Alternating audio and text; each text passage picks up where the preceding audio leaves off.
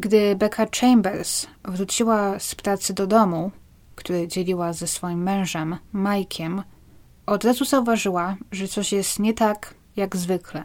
W domu zgaszone były wszystkie światła, a Mike nie wyszedł, aby przywitać ją i jak zawsze pomóc wnieść jej rzeczy do domu.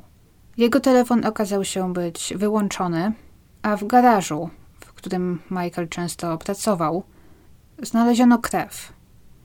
Sprawa skomplikuje się jeszcze, gdy odkryta zostanie dziwna droga, jaką telefon Michaela przebył tamtego dnia i gdy kilka sekretów jego żony Becky wyjdzie na jaw. Witam ponownie w aneksie. Miło mi, że do mnie dołączyliście. Ja mam na imię Aga, jeśli jeszcze się nie znamy. W każdą niedzielę wypuszczam nowy odcinek o sprawach kryminalnych. W każdą niedzielę na YouTube, a na Spotify zazwyczaj w poniedziałki lub wtorki. Ktoś niedawno napisał mi w komentarzu, że dawno nie było sprawy zaginięcia. I zdałam sobie sprawę, że ma rację. Dlatego dziś zapraszam Was do osobliwej i jedynej w swoim rodzaju historii zaginięcia Michaela Chambersa. Dziś przenosimy się na obrzeża Dallas w Teksasie. Mieliśmy już kilka przedziwnych, nierozwiązanych spraw z Teksasu.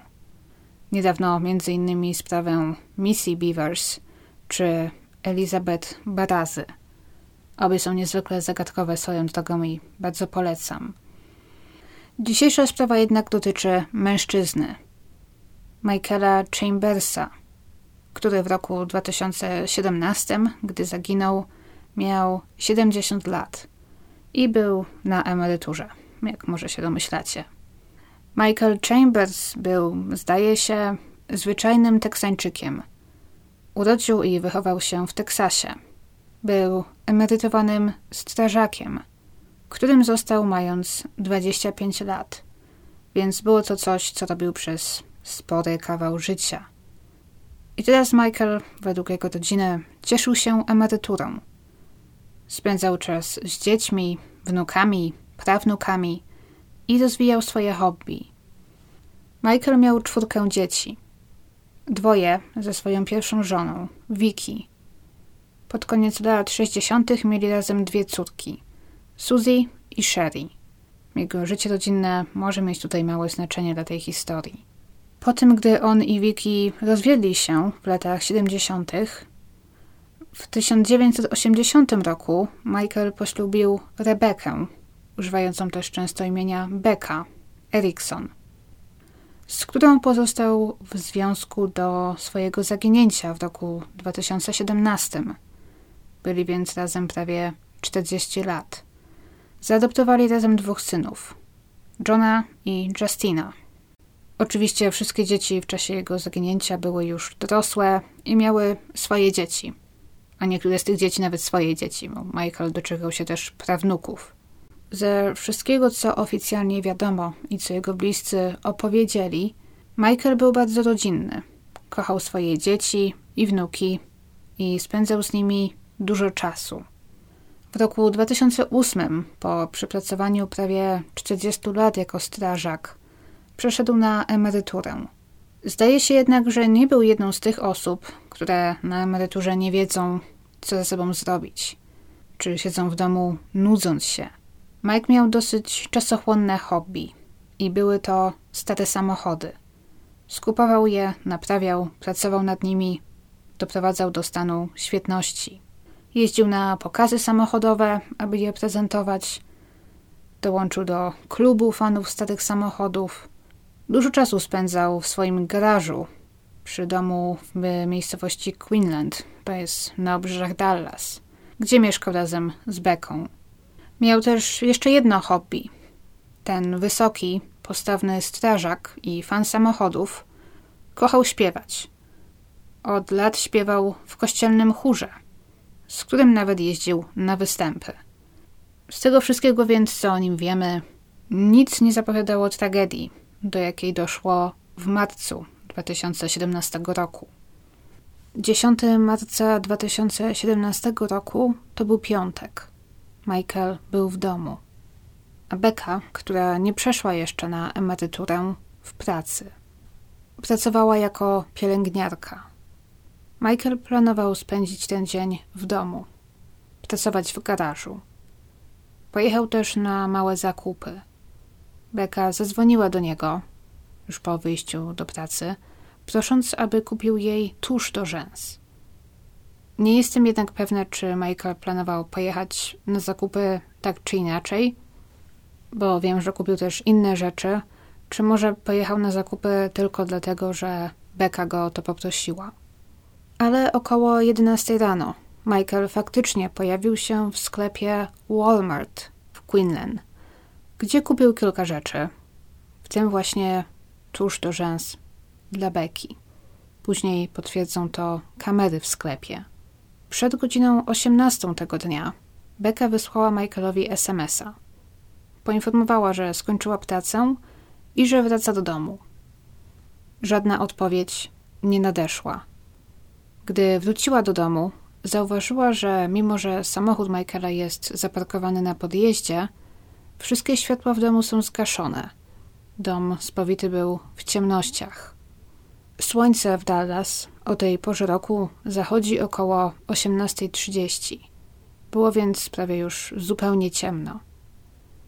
Poza tym Michael często wychodził przed dom, gdy widział jej samochód wjeżdżający na podjazd, aby pomóc jej wnieść rzeczy do domu. Przypuszczam, że skoro Beka była pielęgniarką pracującą na długich zmianach, pewnie nieraz miała ze sobą dużo toreb, ciuchów na zmianę, uniformów do prania itd. Michael często pomagał jej wnieść te rzeczy do środka. Tymczasem jednak nikt do niej nie wyszedł. Beka weszła do domu i odkryła, że Michaela nigdzie nie ma. Uznała to za dziwne. W szczególności, że jej mąż zwykle zostawiał jej wiadomość lub wysyłał SMS-a, jeżeli gdzieś wychodził. Próbowała do niego zadzwonić, ale od razu odezwała się poczta głosowa. Na dodatek jego samochód był przed domem. Jeżeli wiecie coś o ludziach mieszkających na obrzeżach miast w Stanach, w szczególności w takim stanie jak Teksas, to pewnie wiecie, że poruszanie się bez samochodu jest czasem prawie że niemożliwe. Transport publiczny jest kiepski, odległości są duże. Często nawet nie ma chodników. Więc nie jest dziwnym, że pierwszą myślą Becky było, że Michael wciąż jest gdzieś na ich posesji i może uległ wypadkowi. Robiło się ciemno, a ich ziemia nie jest mała, bo liczy sobie aż 10 aktów. Becca poszła do sąsiadów prosić o pomoc. Prosić, aby pomogli jej przeszukać posesję. Michael wspomniał jej wcześniej, że miał zamiar narąbać trochę drewna, więc nie było niewykluczone, że coś mu się stało i potrzebował pomocy. Nie znaleźli go jednak. Gdzieś w międzyczasie Becca zaczęła dzwonić też do dzieci Michaela i do jego najbliższych znajomych, ale nikt nie miał pojęcia, gdzie mężczyzna może być. Nie mieli z nim tego dnia kontaktu. Próbowali też wejść do garażu, w którym Michael często pracował. To był budynek osobny, niepołączony z ich domem. I okazał się być zamknięty na klucz. Beka znalazła w domu klucze i wszyscy weszli do środka. Podejrzewali, że Michael może zasłabł i jest teraz w środku i potrzebuje pomocy.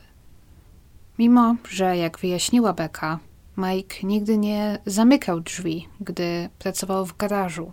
Zawsze zostawiał je otwarte. A już na pewno nie zamykał ich na klucz. W środku, jak odkryli, nikogo nie było. Znaleźli tam jednak jego portfel i czapkę z daszkiem, którą Michael nosił na co dzień. Dowody, że musiał wcześniej być w garażu. To tam też odkryli coś niezwykle niepokojącego. Ślady krwi na podłodze. I to raczej nietypowe.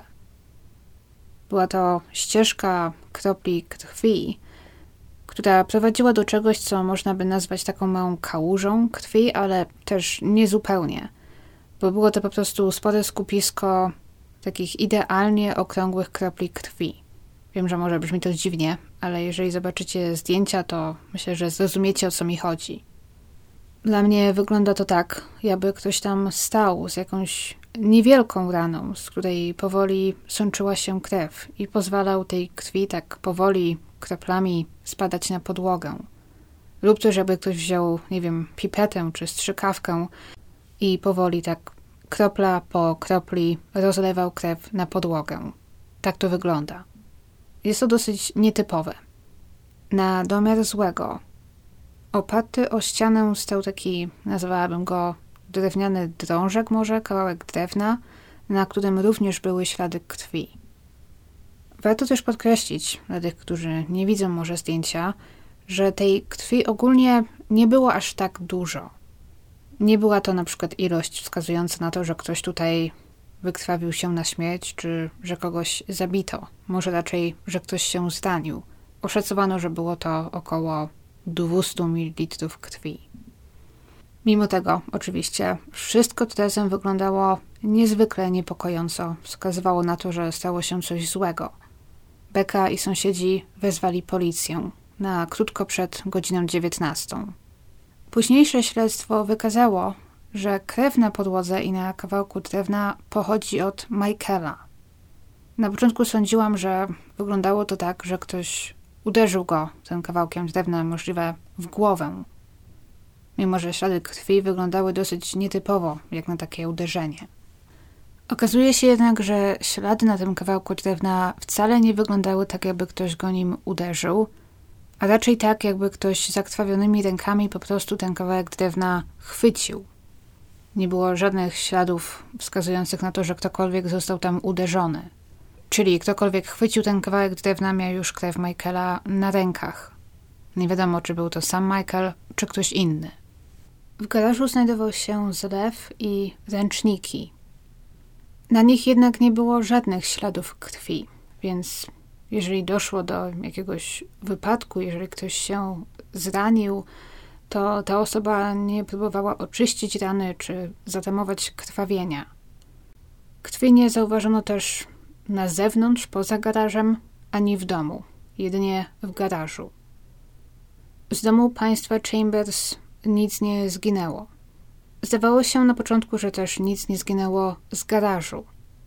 Odkryto, że zginął telefon komórkowy Michaela natomiast. Nigdy też nie znaleziono jego prawa jazdy, które ten zwykle miał w portfelu.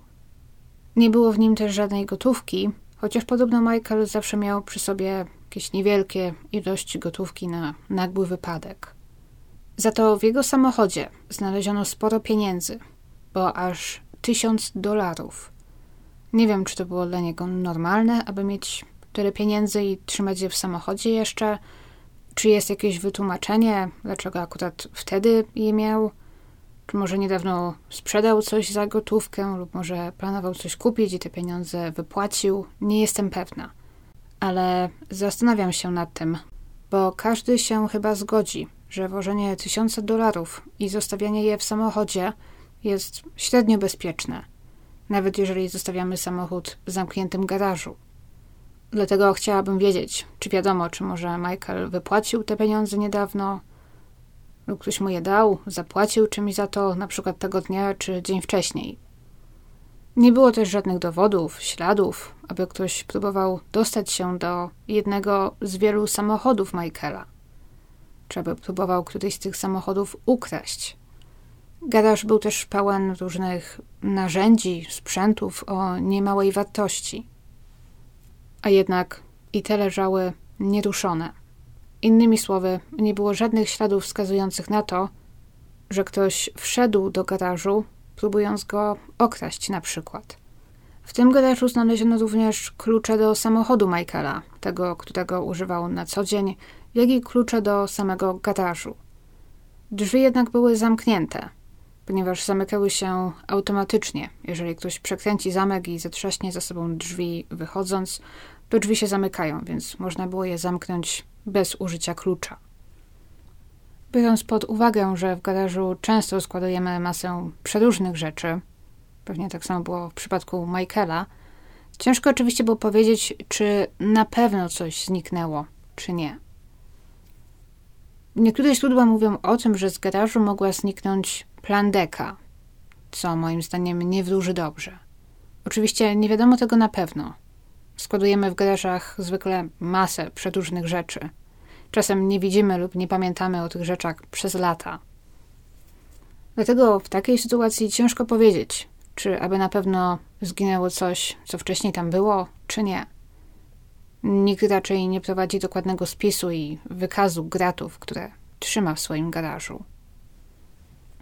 Z innych ciekawych rzeczy natomiast w garażu znajdowała się m.in. strzelba. Nie jestem pewna, czy na widoku, czy może gdzieś lepiej ukryta, ale jej nikt nie ruszył. Wciąż znajdowała się na swoim miejscu i zdaje się, że nikt z niej nie strzelał ostatnio. Sąsiad Michaela i Becky zeznał, że wrócił tamtego dnia do domu około godziny 15 i praktycznie całe popołudnie spędził pracując w ogrodzie. Nie widział i nie słyszał niczego niepokojącego, a ma od siebie widok na dom Michaela. Cokolwiek więc się stało, musiało stać się przed 15, jak podejrzewano. Wskazuje na to też brak włączonych świateł w domu. Michael musiał zostać zaatakowany w ciągu dnia, jeżeli został zaatakowany oczywiście, gdy było jasno.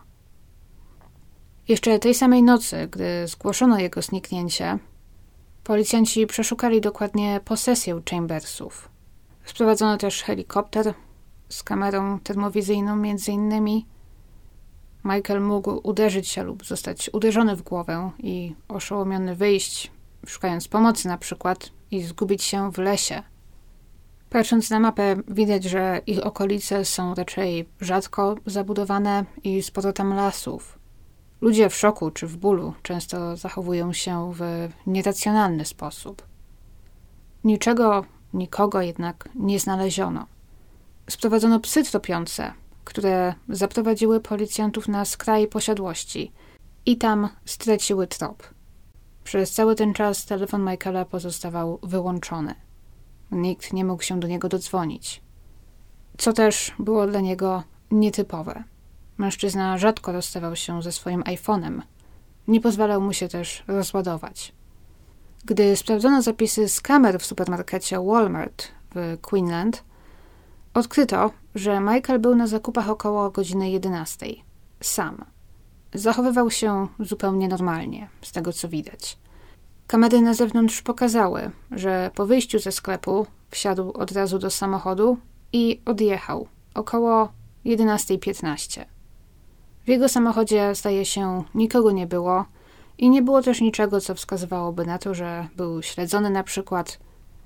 Żaden samochód nie ruszył zaraz po tym, gdy on ruszył z parkingu. Nikt go nie śledził, nikt za nim nie pojechał. To wszystko, co Michael kupił tamtego dnia, zostało znalezione w domu, odłożone na właściwe miejsca, a rachunek ze sklepu wrzucony do śmieci. Michael najwyraźniej więc zdążył wrócić do domu bez problemu i bez problemu rozpakował zakupy. Wszystko wskazuje na to, że coś stało się pomiędzy czasem, gdy Mike wrócił do domu, a momentem, gdy do domu wrócił jego sąsiad, czyli przypuszczalnie gdzieś pomiędzy 12 a 15. Jeżeli oczywiście założymy, że sąsiad mówi prawdę. Jednak obecnie nie ma żadnego powodu, aby mu nie wierzyć. W garażu wykonano oczywiście szereg testów. Szukano też odcisków palców na klamce, drzwiach, na często używanych obiektach. Wszystkie, jakie jednak znaleziono, okazały się należeć jedynie do Michaela. Zastanawiający jest ten kawałek drewna, bo na początku brzmi to tak, jakby Michael został tym drewnem uderzony. Są na nim ślady krwi. To na początku zdawało się mieć najwięcej sensu, ale okazuje się, że nikogo tym kawałkiem drewna nie uderzono. Był na nim za to krwawy odcisk dłoni. Krew należała do Michaela. Czyli podniesiono go już w momencie, gdy Michael był ranny. Wszystko wyglądało dosyć dziwnie. Gdzie był Michael i co się z nim stało? Skąd te dziwne ślady krwi? Wszystko to było niezwykle niepokojące. Michael nie miał żadnych znanych wrogów. Przesłuchanie jego rodziny i bliskich pozwoliło zbudować taki obraz, jaki wam wcześniej zarysowałam. Mężczyzna na emeryturze, poświęcający się hobby i swoim wnukom. Żadnych czerwonych flag. I teraz ważne pytanie, które może przyszło Wam już do głowy. Telefon Michaela nie został znaleziony i był wyłączony. Kiedy jednak był aktywny po raz ostatni i gdzie logował się do sieci? Okazało się, że po raz ostatni wysyłał sygnał krótko po 17.50 tamtego dnia. Zdaje się, że wyłączono go chwilę po tym, gdy Beka wysłała Majkowi SMS-a, że wraca do domu. Później odkryto, że jego telefon przejechał dosyć ciekawą trasę tamtego dnia. Po 11 pojechał do Walmartu, to już wiemy. Jednak przed wyjazdem do sklepu jeszcze, Michael wyjechał z domu w zupełnie innym kierunku. Pojechał w stronę jeziora Tałakoni, które znajduje się w pobliżu, na wschód od jego domu. Jezioro to przecina spory most. Michael wjechał na ten most, a przynajmniej jego telefon wjechał na most i zatrzymał się na nim na 10 minut. W miejscu, gdzie znajduje się taki może punkt widokowy, jak jest czasem określany. Nie wiadomo po co Michael się tam zatrzymał, czy po to, by pooglądać sobie widoki, chociaż ludzie, którzy mieszkają w danym miejscu przez całe życie raczej nie zatrzymują się w miejscach widokowych, bo widzieli te widoki tysiące razy. Chociaż kto wie. Oczywiście mógł się zatrzymać, aby odpocząć, wysikać, sprawdzić coś na telefonie. Opcji jest masa. Są też informacje o tym, że w pobliżu znajdował się dom, w którym Michael kiedyś mieszkał i ten dom miał być widoczny z tamtego miejsca. Może więc na to właśnie Michael patrzył. Ktoś mógłby jednak też powiedzieć, że może Mike z kimś się tam spotkał. Cokolwiek się nie działo, wiemy, że opuścił to miejsce i bezpiecznie wrócił do domu, bo był między innymi widziany na nagraniu w Walmartie.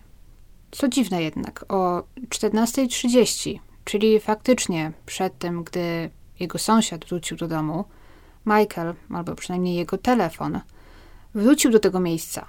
Miejsca na moście, które znajdowało się mniej więcej 30 km od jego domu. Ale wrócił tam raczej nie w samochodzie tym razem, bo opuścił dom o 14.30, a dotarł tam przed 18.00, gdzie też telefon został wyłączony lub zniszczony.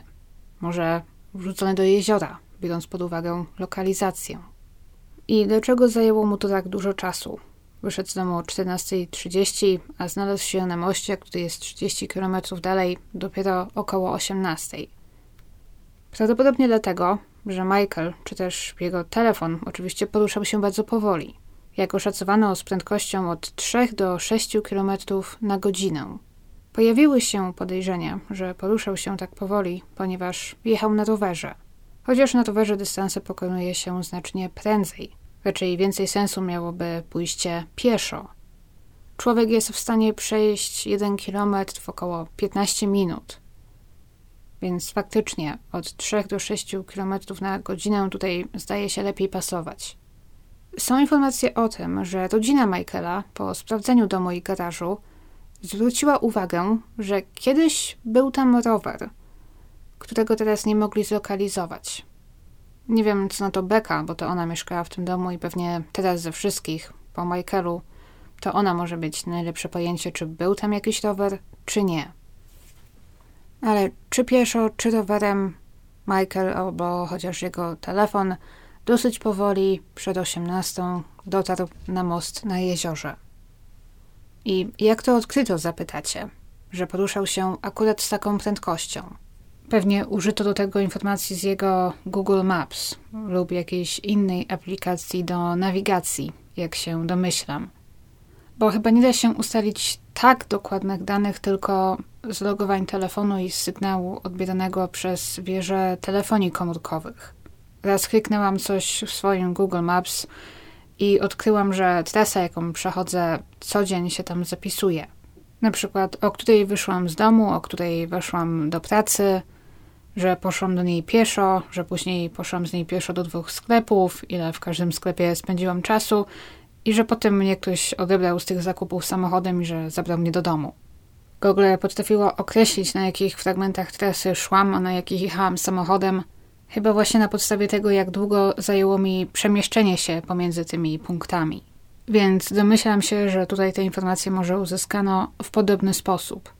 Dlaczego jednak Michael miałby przejść taki spory kawał w zasadzie pieszo? albo na rowerze, jeżeli chcemy to wziąć pod uwagę. I czy w ogóle był to on? Jego dzieci zgłosiły, że mężczyzna cierpiał na reumatyzm, który w szczególności ujawniał się w kolanach, powodując, że Michael na przykład często nie mógł zbyt długo stać, a długie spacery czy jazdy na rowerze również raczej z tego powodu nie była w jego stylu. Co oczywiście nie znaczy, że nie mógł tego zrobić tamtego dnia. Jeżeli szedł lub jechał na rowerze, to może też tłumaczyć, dlaczego poruszał się tak powoli. Z powodu bólu w kolanach na przykład musiał często przystawać. Ale przechodząc dalej do innych aspektów tej sprawy. Policja w trakcie śledztwa odkryła, że jego żona Becca miała kilka romansów na przestrzeni lat. Publicznie nie wiadomo o nich za wiele, ale o tym jeszcze zaraz. Jak się też okazało, Becca anulowała abonament telefoniczny Majka, dezaktywując jego numer, po zaledwie 10 dniach od jego zaginięcia, tłumacząc się kosztami. Teraz, gdy była sama, nie była w stanie płacić wszystkich rachunków Michaela, ale 10 dni to jednak dosyć szybko. Telefon był wyłączony, ale po tak krótkim czasie wiele przecież mogło się wydarzyć. Kto wie, czy telefon nie zostałby ponownie włączony. Takie rzeczy się zdarzały. A już pięć tygodni po zniknięciu męża, Becca zdołała zdobyć certyfikat jego śmierci. Tylko tymczasowo, jak wyjaśniała. Tłumaczyła, że potrzebowała go, aby przejąć kontrolę nad finansami domowymi. Finansami Michaela i wszystkim, co posiadał. Sprzedała jego samochód, pick-upa, którym jeździł na co dzień tłumacząc, że nie było ją stać na spłacanie samochodu. Domyślam się więc, że był wzięty na kredyt, który wciąż nie był spłacony. Później sprzedała też zabytkowego Mustanga, którego Michael odnowił i dał jej w prezencie rok wcześniej. Jego dzieci i wnuki nie były zachwycone jej decyzją i tym, że Becca tak prędko chciała uznać Michaela za martwego na papierze. Ale zatrzymajmy się przy tym na chwilę. Nie ma wątpliwości, że zaginięcia dla bliskich osób zaginionego zawsze są trudne. już nie mam na myśli takich oczywistości, jak ciężko jest żyć z niepewnością, bo nie wiedzą, co się stało z kochaną osobą. Czy żyje, czy uciekła, czy może padła ofiarą przestępstwa, albo jest gdzieś przetrzymywana. Wszystkie te myśli na pewno kotłują się w głowie bliskich i z dnia na dzień żyją w niepewności. Ale odsuwając to na bok, pomówmy też o kwestiach czysto finansowych i formalnych. Gdy ktoś umiera, wszystko jest dosyć proste. Ktoś po tej osobie dziedziczy. Albo żona, albo dzieci, albo ktokolwiek został wskazany w testamencie, jeśli taki jest. Rodzina decyduje, co zrobić z tym, co zmarły po sobie pozostawił, co zrobić z kredytami, jeśli takie są, i tak dalej. Ale w wypadku, gdy ktoś zaginie, wszystko jest trochę bardziej skomplikowane, bo fizycznie tej osoby nie ma, ale w świetle prawa, przynajmniej na początku, dalej jest poniekąd.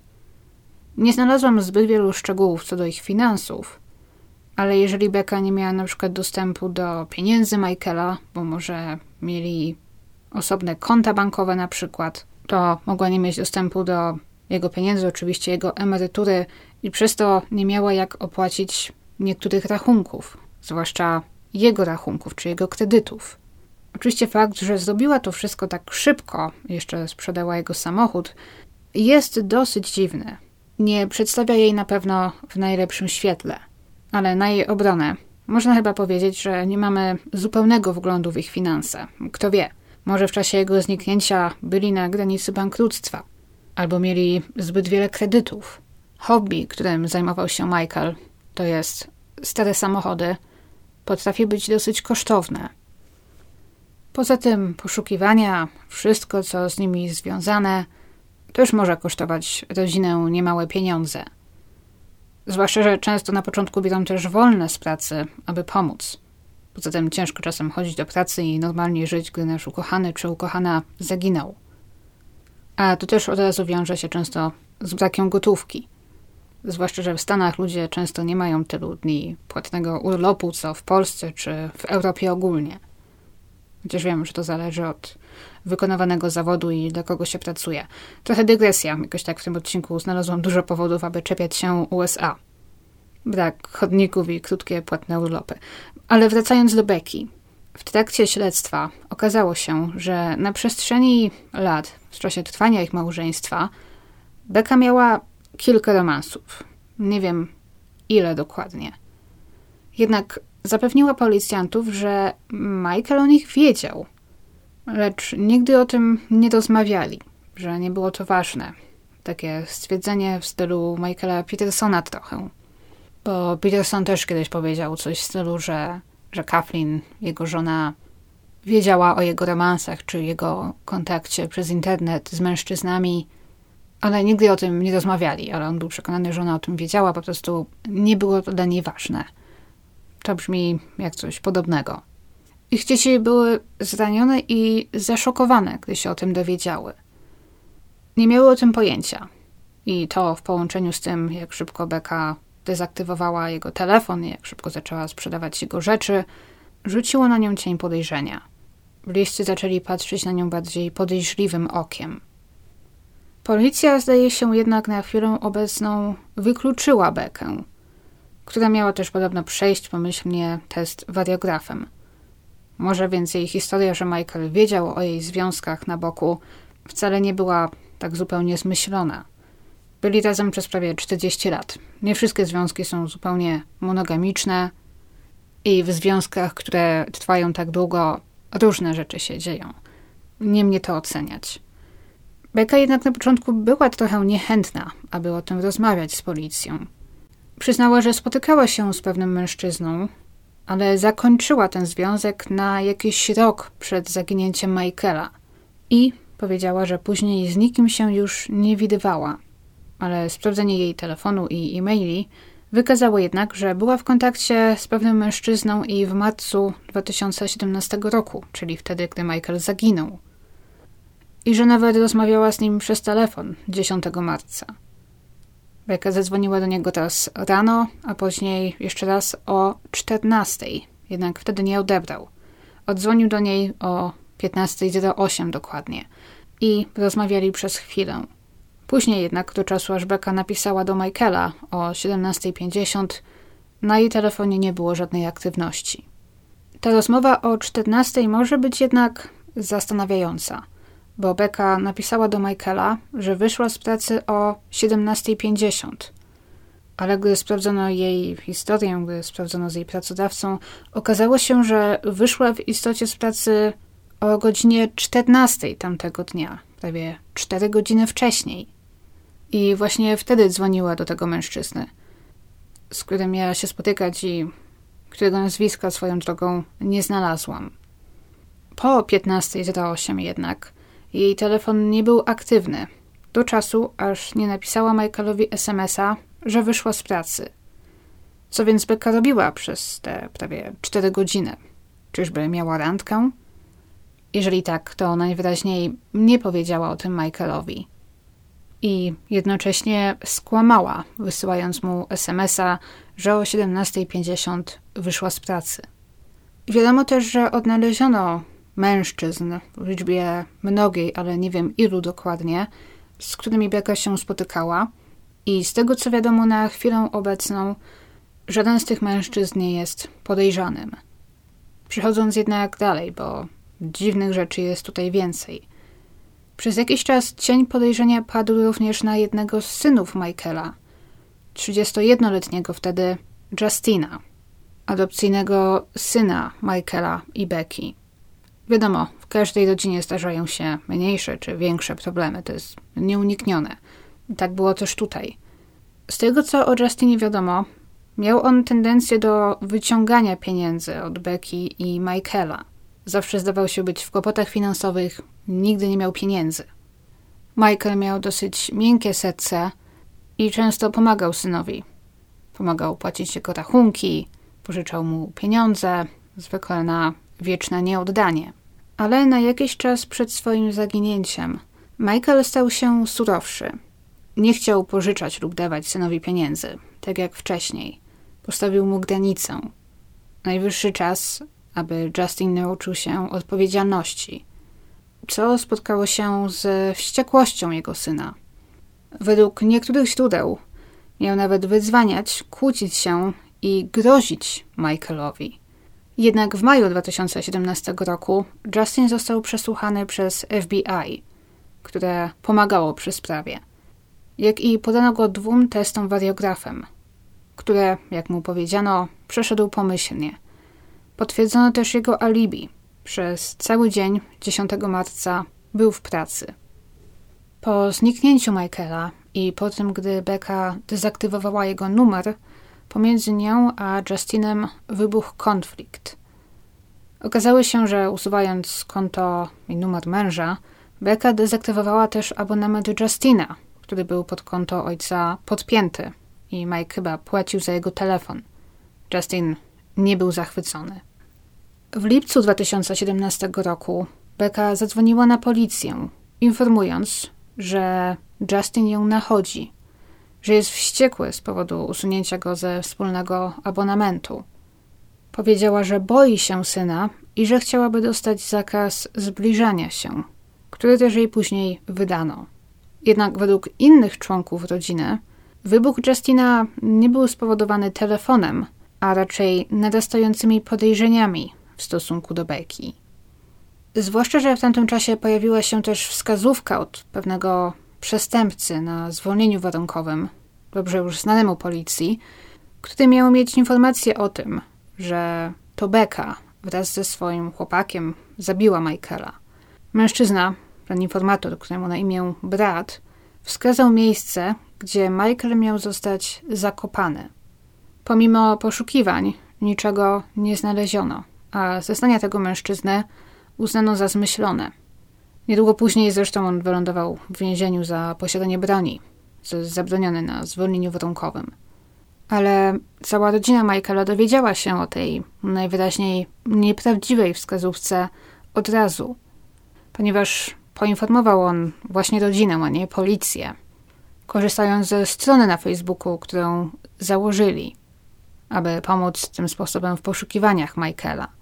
Możliwe więc, że do zgłoszenia tej wątpliwej wskazówki Brada skłoniło 25 tysięcy dolarów oferowanych przez rodzinę za pomoc w ustaleniu, co stało się z Michaelem. Dzieci Michaela nie mogły się też pogodzić z tym, że po kilku miesiącach policja zaczęła skłaniać się ku hipotezie, że Michael celowo zniknął i popełnił samobójstwo. Tak, krew na podłodze, krew na tym kawałku drewna, wcześniejsze zakupy i zachowywanie się, aby wszystko było w porządku, ale dla nich samobójstwo wydało się najbardziej prawdopodobne. Głównie dlatego, ponieważ jego telefon padł, czy został wyłączony na środku mostu, na środku jeziora. Zgoda, to może brzmi jak samobójstwo. Ale w takim razie Michael z jakiegoś powodu rozlał swoją krew w garażu, zostawił krwawe odciski rąk na kawałku drewna, chyba aby sprawić wrażenie, że stała mu się krzywda z jakiegoś powodu.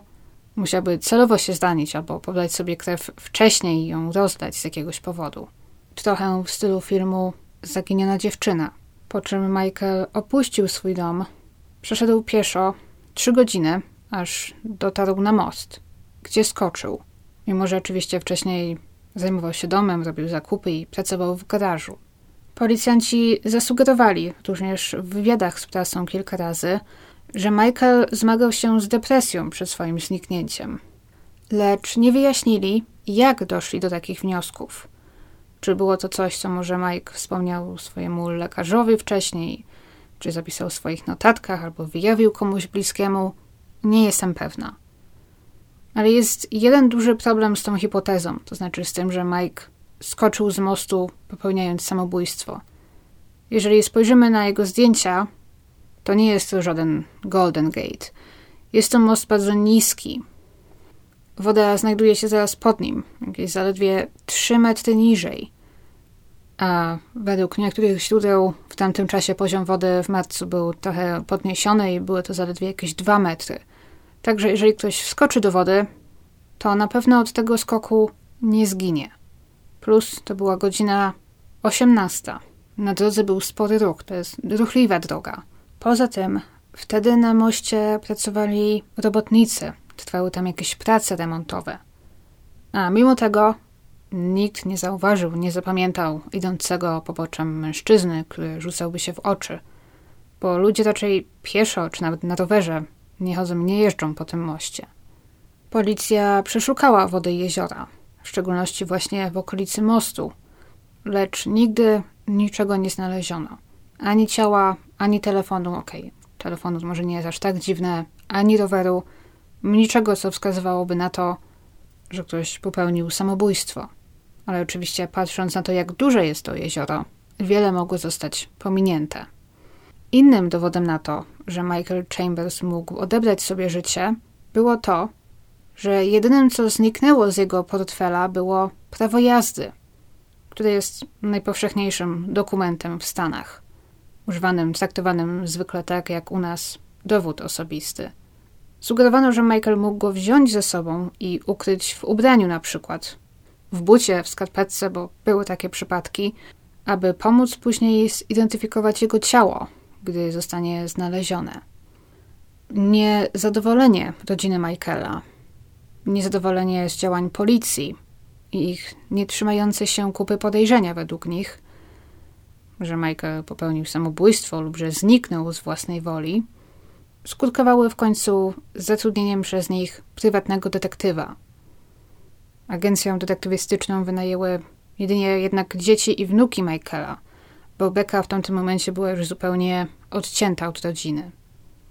Gdy prywatny detektyw skontaktował się z nią, prosząc o rozmowę, odmówiła. Klein Investigations and Consulting, bo tak nazywa się firma detektywistyczna zatrudniona przez Chambersów, przesłuchała już ponad 100 osób i przeprowadziła swoje własne poszukiwania w okolicach domu Michaela, jak i w okolicach jeziora. Doszli do przekonania, że Michael musiał paść ofiarą morderstwa. I mimo, że w zasadzie zgadzam się i też się trochę ku temu przychylam, chyba należy też dodać, że Klein mają średnią reputację jako firma. Niektórzy zarzucają im, że zawsze przyjmują przekonania klientów jako punkt wyjścia i nie są obiektywni. I zawsze dochodzą do takich wniosków, za jakie im się zapłaci. Czyli jeżeli Chambersowie zgłosili się do nich przekonani, że za śmiercią Michaela stoi coś więcej niż samobójstwo, to ci zrobili wszystko, aby utwierdzić ich w tym przekonaniu. Skupiając się jedynie na dowodach potwierdzających to i ignorując wszystkie, które nie pasują. Niektórzy uważają, w tym właśnie w szczególności wielu policjantów i śledczych, że to, co zastanął w garażu ich domu, zostało poniekąd zainscenizowane przez Michaela. Dlaczego? Tak, może o tym jeszcze zaraz, ale Klein Investigations między innymi uważają, że może to być dowód na to, że stało mu się coś złego. To oni wyszli z taką hipotezą, że krew mogła spłynąć w taki specyficzny sposób na ziemię, ponieważ dwie osoby podniosły Michaela, który mógł być w tamtym momencie nieprzytomny i krwawić. Jedna osoba trzymała go za ramiona, to znaczy pod pachami, a druga za nogi i w taki sposób go przenieśli. Jednak jeżeli tak, to musieli przez jakiś czas stać z nim w jednym miejscu i pozwolić krwi kapać, dlatego utworzyła się w jednym miejscu taka kałuża. Po czym jednak zdołali jakoś zatamować krwawienie, bo nigdzie dalej tej krwi nie znaleziono. Tutaj ja dorzuciłabym tę plandekę, która możliwie zaginęła. Jeżeli podnieśli ciało Michaela, położyli na plandece i jakoś je w nią zawinęli i w taki sposób na przykład gdzieś go przenieśli, to faktycznie wyjaśniałoby, dlaczego w żadnym innym miejscu nie znaleziono jego krwi. Zauważono też, ale mówiąc zauważono, mówię tutaj głównie o internautach, o ludziach komentujących tę sprawę, ponieważ policja nigdy tego nie skomentowała, że krew na tych zdjęciach stała się być jasna, mimo że w momencie, gdy te zdjęcia zrobiono, musiało już upłynąć kilka godzin. Co pomogło zrodzić się takim podejrzeniom, że może wcześniej trzymano ją w fiolce, że pobrano ją wcześniej i dodano do niej substancje zapobiegające krzepnięciu krwi. bo to właśnie może powodować, że krew ma jaśniejszy kolor niż zazwyczaj. Nigdy nie zostało to jednak ani potwierdzone, ani nigdy temu nie zaprzeczono. Nie wiadomo nawet, czy policja kiedykolwiek poddała tą krew właściwemu testowi, aby to ustalić. Zwrócono jednak też uwagę, że krew, która wypłynęła na przykład z ust lub z ucha, może właśnie mieć taki jaśniejszy kolor. Może też tak wyglądać, jeżeli ktoś bierze leki na serce, co biorąc pod uwagę wiek Michaela, nie byłoby tak niespotykane, natomiast nic o tym nie wiadomo. Dzieci Michaela nigdy nie powiedziały, aby Michael brał takie czy jakiekolwiek inne leki. Zdaje się więc, że jest niemało poszlak wskazujących na to, że Michael mógł paść ofiarą przestępstwa.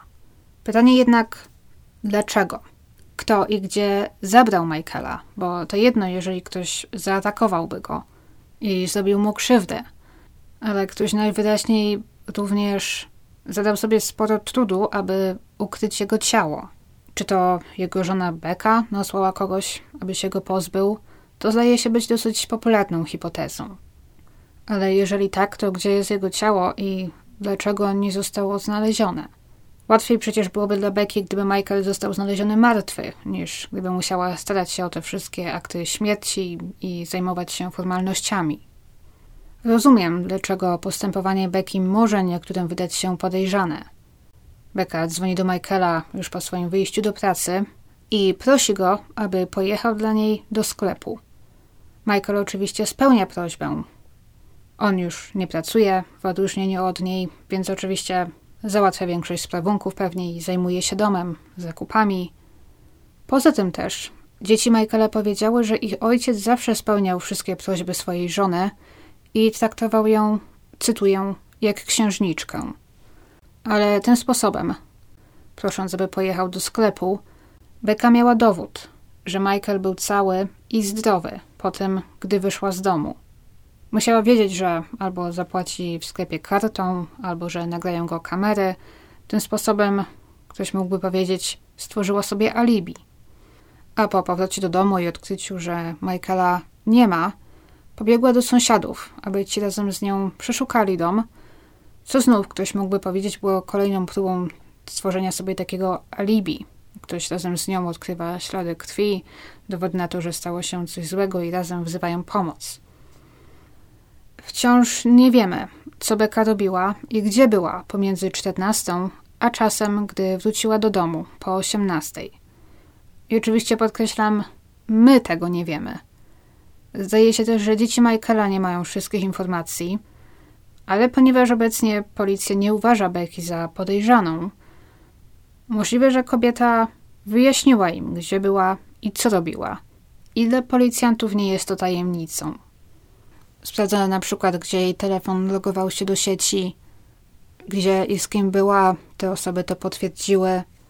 I możliwe, że Beka nie znajdowała się nigdzie blisko ich domu czy jeziora w momencie, gdy doszło do zniknięcia Michaela. Co by nie było, na tym etapie ani Beka, ani policja nie są nam winni wyjaśnień. Inna hipoteza jest taka, że Michael padł ofiarą kogoś, kto może chciał go okraść. Uchodził za niezwykle przyjaznego i ufnego. Zawsze, gdy pracował w garażu, miał otwarte drzwi. Jeżeli ktoś, na przykład ktoś z sąsiadów, czy ktoś przechodząc ulicą, zatrzymał się, aby sobie z nim porozmawiać, zagadnąć, Michael był zawsze bardzo otwarty. Co jeżeli tym razem do garażu weszła niewłaściwa osoba? Ale jeżeli była to tylko jakaś próba kradzieży, w wyniku której Michael zginął, to co zrobiono z jego ciałem? Zięć Michaela, David, powiedział, że obaj lubili oglądać dokumenty i seriale kryminalne. I niedługo przed jego zniknięciem oglądali razem program o kimś, kto właśnie upozorował swoje zaginięcie. Michael miał to skomentować słowami: Łatwo byłoby gdzieś wyjechać, zniknąć i spowodować, że wyglądałoby to na wypadek. Wtedy David wziął to za zwyczajny komentarz do tego, co akurat oglądali. Ale później zaczął się nad tym głębiej zastanawiać, po jego zniknięciu już. Czy Mike'owi oglądanie tych seriali, tych dokumentów podsunęło coś na myśl? Inny pomysł, inna ciekawa hipoteza, o jakiej usłyszałam po raz pierwszy w świetnym podcaście Vanished, który bardzo polecam. Tam padło takie pytanie, czy jest możliwe, że Michael, ponieważ zajmował się samochodami, czy jest możliwe, że próbował coś komuś sprzedać, na przykład sprzedać jeden ze swoich samochodów przez internet lub kupić samochód czy części? Czy możliwe, że nawiązał po prostu z kimś kontakt przez internet, przez jakiś Craigslist albo inną stronę i niechcący na przykład podał swój adres komuś niebezpiecznemu? Rodzina Michaela skomentowała jednak, że sądzą, że Michael raczej nie wiedziałby, jak korzystać z takich internetowych ogłoszeń. Przypuszczam, że sprawdzono jakiś domowy komputer i sam pewnie w historii wyszukiwania stron z takimi ogłoszeniami może nie było, ale że nigdy nie znaleziono jego telefonu, to w zasadzie kto wie. Beka więc brzmi najbardziej podejrzanie w tej historii. Ale na jej korzyść zdecydowanie przemawia to, że po sprawdzeniu jej telefonu, e-maili, kontaktów nie znaleziono żadnych dowodów na to, że próbowała pozbyć się męża. A obecnie ciężko zaplanować i zrobić coś takiego, nie zostawiając żadnego cyfrowego śladu. Takie coś wcześniej czy później wyszłoby na jaw. A tutaj, po pięciu latach, dalej nic. Ta historia przypomniała niektórym mieszkańcom tej części Teksasu o innym, trochę podobnym zaginięciu z roku 2011. W Greenville, również na obrzeżach Dallas, dosyć blisko miejsca, skąd zaginął Michael Chambers, zaraz na północ. Matthew James Hallan miał 51 lat, gdy 23 lipca 2011 roku opuścił swój dom w Rockwall, to jest zaraz na obrzeżach Dallas, i pojechał do pobliskiego Greenville, gdzie on i jego żona Kathy posiadali drugi dom. Domyślam się, że mógł to być drugi dom, który wynajmowali na przykład, bo na stałe mieszkali w Rockwall, bliżej Dallas. Matthew miał tego dnia dokonać kilku mniejszych prac remontowych w domu w południowej części Greenville, który znajdował się przy Bethel Road. Tak samo jak w przypadku domu Michaela Chambersa, ten dom był w miejscu raczej odludnym, rzadko zaludnionym, głównie z lasami i polami wokół. W czasie, gdy Matthew pracował w domu, kontaktował się ze swoją żoną przez SMS-y. To był też ostatni raz, kiedy ktokolwiek miał z nim kontakt. Ostatnim SMS-em, jaki miał wysłać, była wiadomość informująca Kafi, że skończył pracę i że będzie zbierał się do wyjścia i do powrotu do domu. Nigdy jednak do domu nie wrócił i nie skontaktował się już więcej z Kafi. Nie znalazłam zbyt wiele, jeżeli chodzi o okoliczności zgłoszenia i odkrycia jego zaginięcia. Mogę się jedynie domyśleć, że Kathy w którymś momencie zgłosiła jego zaginięcie po tym, gdy pojechała do ich domu w Greenville, bo tam, jak wiemy, znalazła jego samochód zaparkowany przed domem. A w domu pustym znaleziono wiele jego rzeczy osobistych, w tym portfel. Z tego co widziałam, również nigdy nie znaleziono jego telefonu. Nie ma tutaj za dużo kontekstu i szczegółów, jeżeli chodzi o niektóre z tych informacji, ale wszystkie źródła też mówią o tym, że w dniu swojego zaginięcia Matthew zakupił dużo sprzętu do biwakowania. Dlaczego? Czy planował gdzieś uciec? Czy ten sprzęt został znaleziony? Co dokładnie kupił? Tego nie udało mi się nigdzie znaleźć. Obie sprawy pozostają więc nierozwiązane i niezwykle tajemnicze. W sprawie Michaela przynajmniej wciąż sporo się dzieje. Media doniosły, że pod koniec ubiegłego roku, to jest 2021, po utrzymaniu kolejnej nowej wskazówki, prowadzono kolejne poszukiwania w hrabstwie Hunt, ale znów chyba nic nowego nie przyniosły. Czy Mike Chambers popełnił samobójstwo lub uciekł, pozorując swoją śmierć, czy może stało mu się coś złego? Szczerze, nie potrafię powiedzieć. Wydaje mi się, że bezpieczniej byłoby traktować jego sprawę jako możliwe przestępstwo. Czytałam kilka ciekawych opinii o tym, że rzeczywiście mogły być znaki wskazujące na to, że Michael mógł chcieć zakończyć swoje życie. Mimo, że jego rodzina zapewniała, że był szczęśliwy, że spędzał miło czas na emeryturze, zajmując się swoim hobby, dziećmi i wnukami, możliwe, że było inaczej. Mike, siedząc w domu, mógł zacząć cierpieć na depresję. W szczególności, jeżeli połączymy to z tym, że mógł odkryć, że jego żona nie jest mu wierna. W szczególności, że według wszystkich relacji, wszystkich, którzy ich znali, Michael był zakochany w Bece, traktował ją, jak to powiedziano, jak księżniczkę i mógł być tym głęboko zdaniony. Ale jeżeli tak, dlaczego robić to wszystko w ten sposób? Niektórzy uważają, że Michael rzeczywiście zainscenizował tę scenę w garażu, po czym przeszedł pieszo lub przejechał na rowerze nad jezioro, gdzie wyrzucił, pozbył się swojego telefonu, aby nie móc zostać wytropionym, po czym pojechał, odszedł gdzieś dalej. Może miała to być jakaś jego forma zemsty na Bece za niewierność. Ale czy Michael zrobiłby coś takiego swoim dzieciom i wnukom, które zdaje się szczerze kochał? Po co cały ten zachód? Mam nadzieję, że kiedyś poznamy odpowiedź na to pytanie.